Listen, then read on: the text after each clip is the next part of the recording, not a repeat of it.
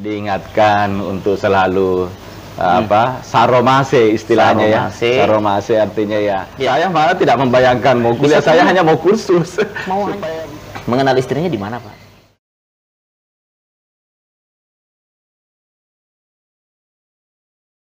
Assalamualaikum warahmatullahi wabarakatuh Pak Tamrin.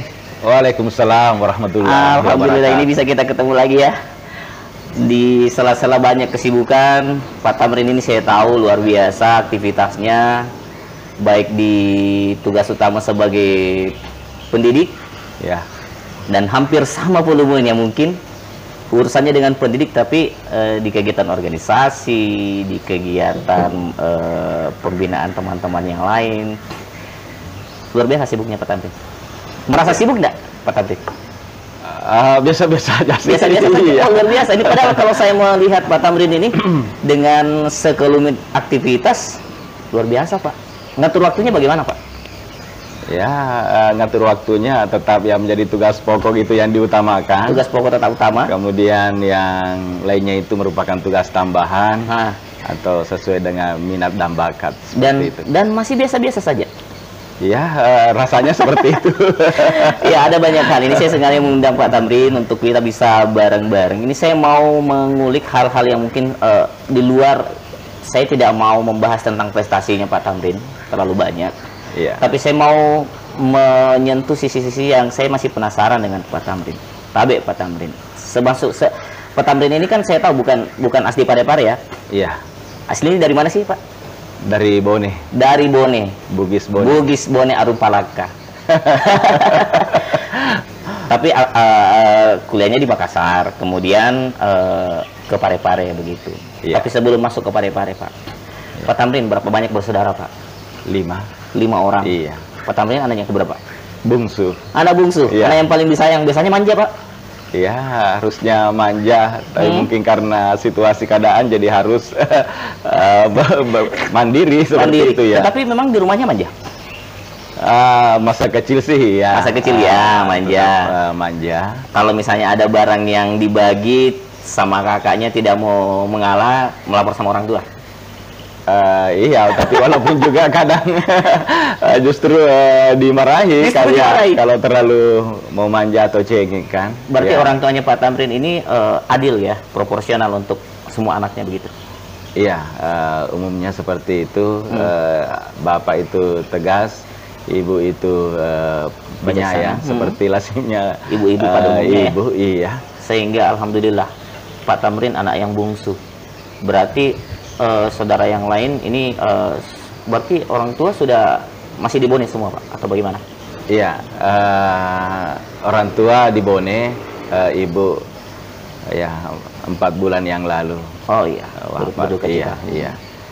Uh, ya memang itu sangat terasa didikan orang tua sejak hmm. kecil itu itu uh, yang terasa sampai sekarang. Okay. Berarti Pak Tamrin mau bilang bahwa orang tua Pak Tamrin berperan untuk kehidupan Pak Tamrin sekarang dan juga saudara-saudara yang lain. Ya, itu sangat tua uh, besar sekali pengaruhnya. Luar biasa. Mulai okay. dari nilai-nilai yang mereka sampaikan, hmm. ajaran-ajaran. Ajaran-ajaran apalagi Bugis Bone kan itu ya. penuh dengan uh, budaya Bugis banget ya. Iya, betul. Mulai dari uh, diingatkan untuk selalu hmm. Apa? Saromase istilahnya saromase. ya. Saromase. Artinya ya. Uh, bagaimana kita itu berbuat baik uh, kepada okay. orang. Lebih baik uh, menciptakan pertemanan daripada permusuhan. Iya. Baik. Iya. ini poin-poin yang saya memang sengaja mau gali dengan sosok seorang Pak Tamrin. Pak Tamrin masa kecilnya habis di Bone ya Iya, sampai SMA itu di Bone. Sampai SMA di Bone, iya. kemudian memilih untuk kuliah, kuliah di, di Makassar, Makassar Unhas. Unhas. Iya. Oh, di Unhas ya, Pak ya? Iya, oh, iya betul. Sastra. Sarjana sastra. Berarti belum pernah berpikir untuk jadi guru dong, Pak? Iya, saya dulu itu tidak pernah berpikir menjadi guru. Atau uh, Pak Tamrin ini merupakan bagian yang biasa lemparin-lemparin demo atau apa? Biasanya kan anak sastra yang agak-agak arogan iya. Pak. Benar Pak? Iya, eh, biasa juga seperti itu. Pernah itu juga ya? Saya tidak eh, menjadi pemimpin di situ. Tidak, tidak menjadi pemimpin, tetapi menjadi bagian-bagian dari uh, menutup jalan. Iya. Namanya solidaritas kebersamaan solidaritas. sesama mahasiswa. Berarti kan? ya ada ya. sisi uh, apa namanya kebersamaan yang apa namanya jiwa korsa begitu ya pak ya. Betul. Tetap diutamakan apalagi pada saat kuliah. Iya. Tetapi tidak menjadi bagian yang eh, apa namanya utama gitu. Iya. Iya oke. Okay. Pak Tamrin sarjana sastra. Kenapa mesti Oh sebelum saya ke kampus dulu Pak, masa kecilnya di Bone. Iya. Iya kan? Masa kecil pada biasanya kan pada umumnya kan anak-anak itu ya bermain. Waktu kecilnya Pak Tamrin bisa diceritakan Pak. E, gambarannya di Bone ini kan Pak Tamrin tinggalnya di kota atau di, e, di kampung? desa, di, di desa.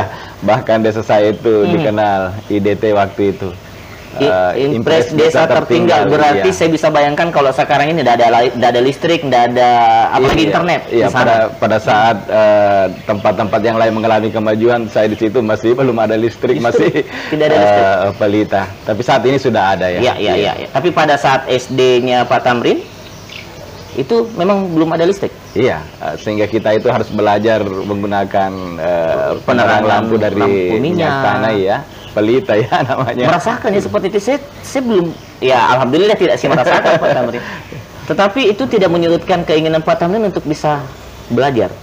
Iya, tentunya itu uh, justru uh, asik ya karena kita mengingat dulu wah iya, iya. rupanya iya. kita dalam hal keterbatasan tapi juga bisa. ya dalam keterbatasan bisa membuat ya hal yang uh, positif, hal yang luar biasa saya kira hmm. ya karena di tempat saya juga itu dihitung jari sih yang sampai lanjut uh, eh, SMA ataupun juga kuliah hanya balik lagi ya. motivasi orang tua dan uh, uh, ketegasan orang tua yang membimbing sehingga Bapak Tam, Pak Tamrin bersama saudara-saudara semua tamat SMA semua minimal? Iya, tamat SMA semua uh, minimal hmm. uh, dan saya dua bersaudara lanjut uh, kuliah sampai sarjana. Sudah sarjana. Seperti Luar itu walaupun uh, kondisi di teman-teman banyak itu teman-teman seperti iya, iya, itu hanya sampai di SMP.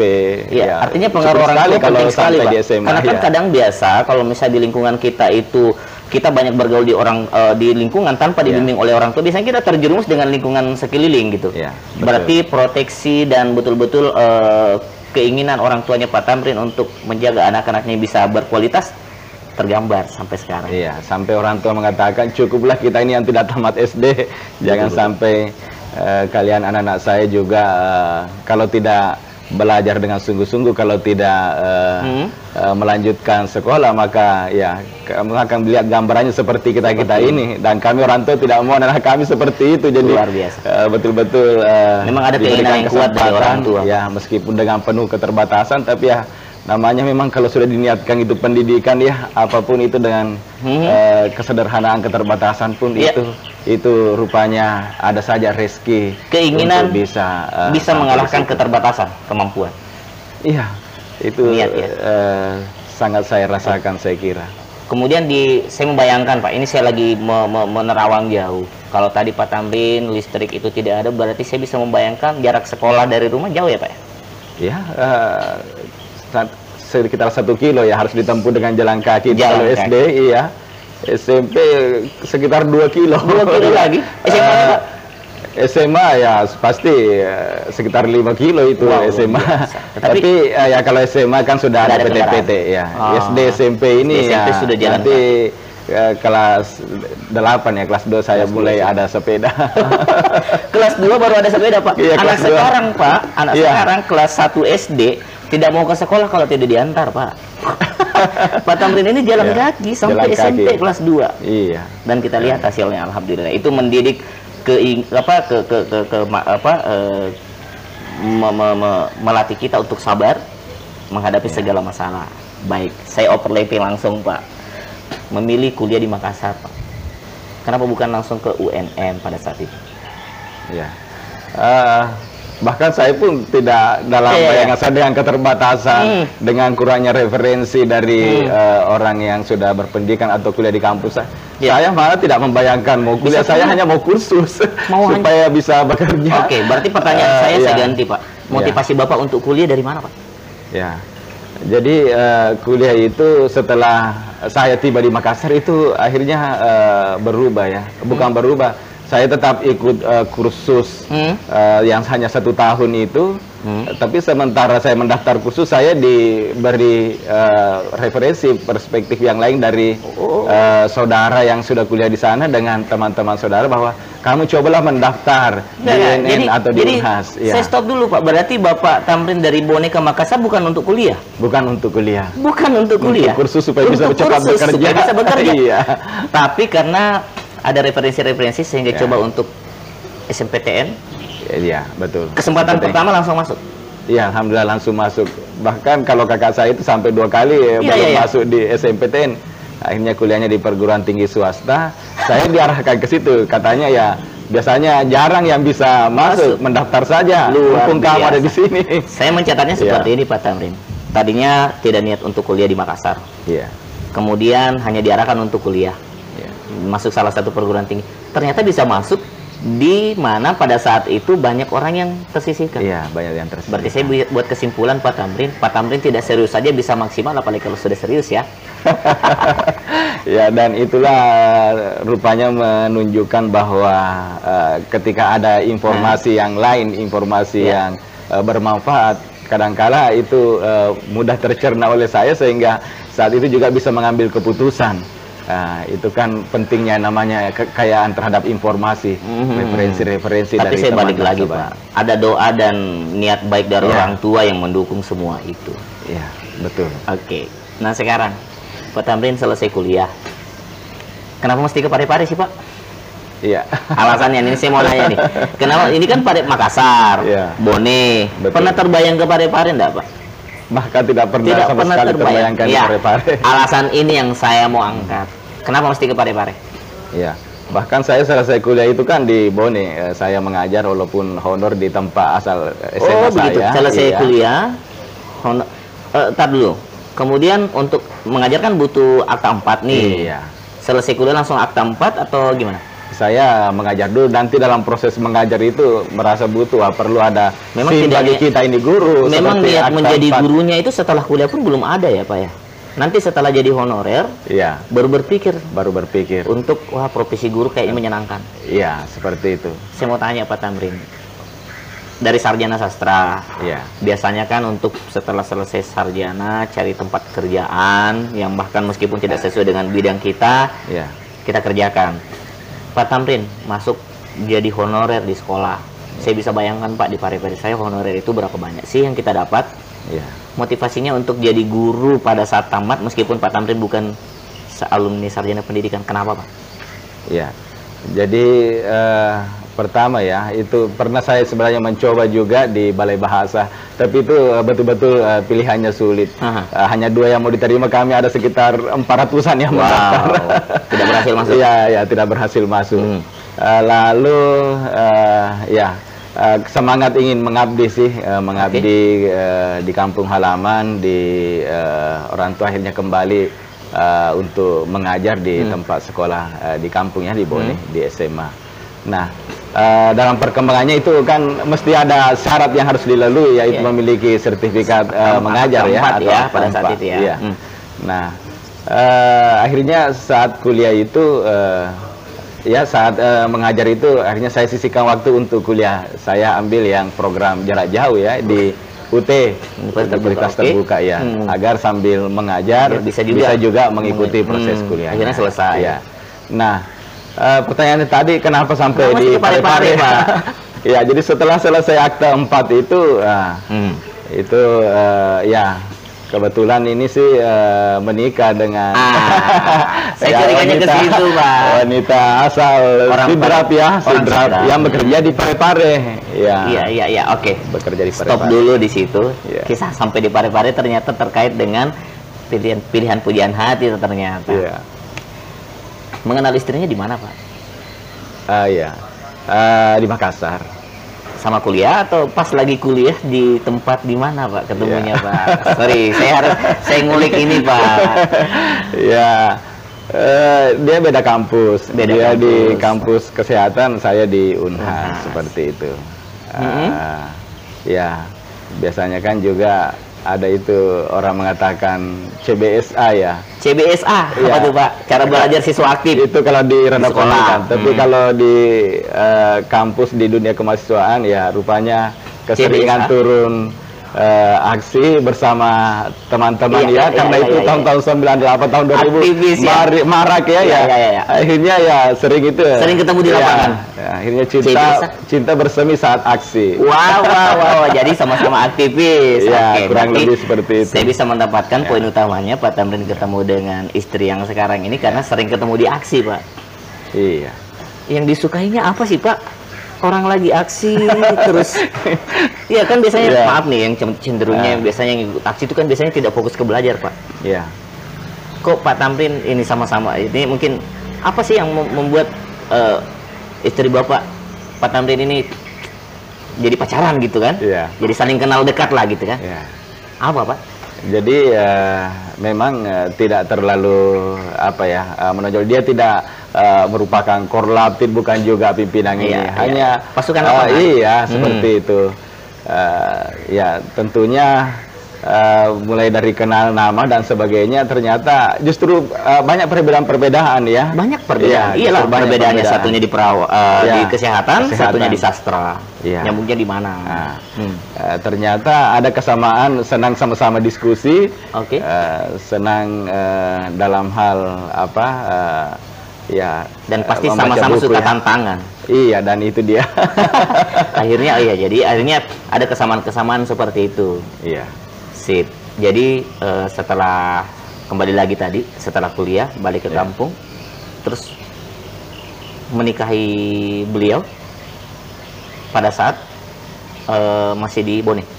Ya, uh, saya di Bone saat itu ya uh, setelah horor ternyata ya memang cinta berlanjut itu ya. CBSA itu berlanjut lagi. CBSA itu berlanjut lagi jadi waktu pun meskipun saya di Bone uh, ya sudah bekerja di Parepare ya. Oke, okay. oh, oke, oke, oke. Eh, kemudian uh, melanjutkan, lalu uh, menikah. Oke. Okay. Menikah, akhirnya itu yang menjadi alasan saya untuk pindah ke Parepare dari Bone ke Parepare. Jadi karena ia sudah pegawai negeri dan okay. saya masih honor. Terjawab honor satu uh, misteri yang selama ini Pak. Iya. Pak ke Parepare apa? Ternyata yeah. perjuangan cinta ternyata. Dan cinta memang itu harus diperjuangkan. Cinta harus diperjuangkan luar iya. biasa. Oke, okay, sip, Pak Tamrin. Ini hal-hal yang mungkin yang di luar kebiasaan yang kita sering bahas. Iya. Jadi uh, uh, ada banyak hal inspiratif yang kita bisa gali dari seorang Pak Tamrin yang kita tahunya sosok guru bahasa Indonesia yang senang berbagi tapi ternyata juga sisi sisi sisi aktivis yang mungkin tidak anarkis ya yeah. sisi sisi kritis tadi sudah turun di lapangan. Hmm. Kemudian ternyata selain kritis juga romantis.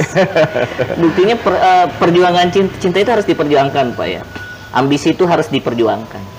Luar biasa. Iya, dan itu uh, hakikat dari perjuangan ketika hmm. apa yang kita yakini benar, okay. ya, apa yang kita yakini benar, itu kita bisa uh, perjuangkan dengan uh, sebaik-baiknya.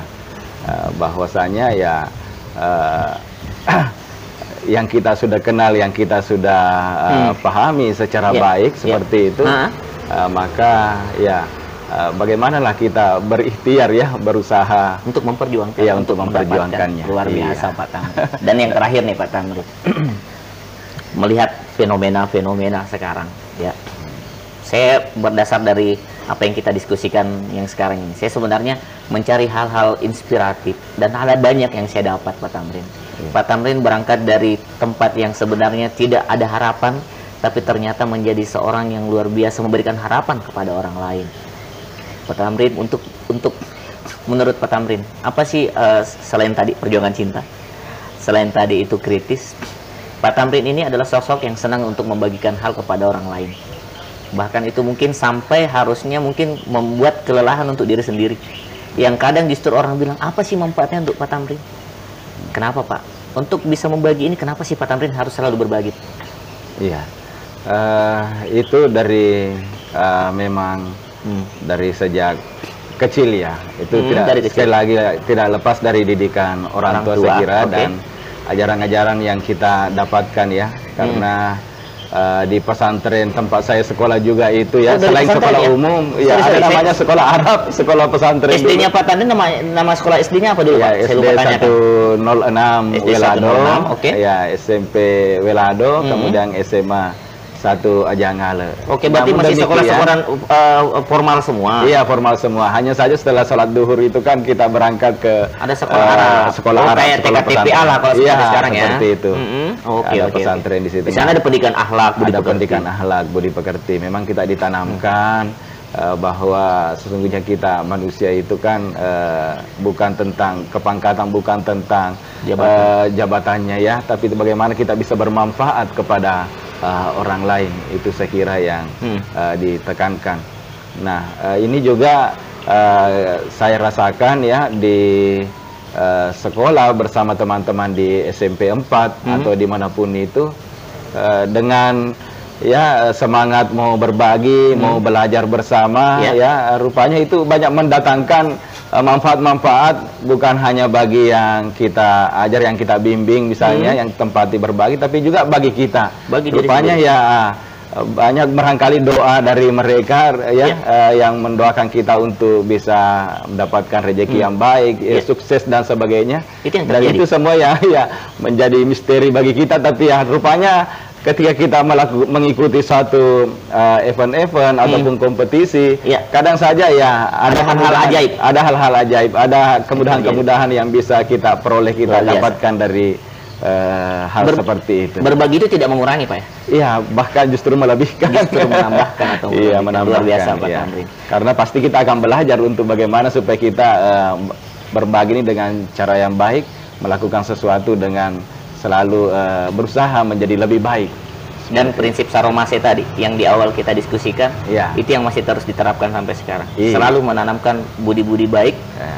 dan berbagi kebaikan. Berbagi kebaikan. Luar biasa Pak Tamrin. Kita tunggu kabar-kabar motivasi dan prestasi selanjutnya. Dan tentunya uh, kita terus berharap Pak Tamrin ini bisa menjadi inspirasi, Amin. bisa menjadi solusi juga Amin. Kepada teman-teman kita, khususnya di dunia pendidikan, bahwa tidak ada hal yang mustahil selama kita punya niat dan punya usaha. Seperti itu ya Pak Tamrin? Iya. Baik. Terima kasih banyak Pak Tamrin sudah hadir di eh, bincang-bincang uh, kita. Terima kasih.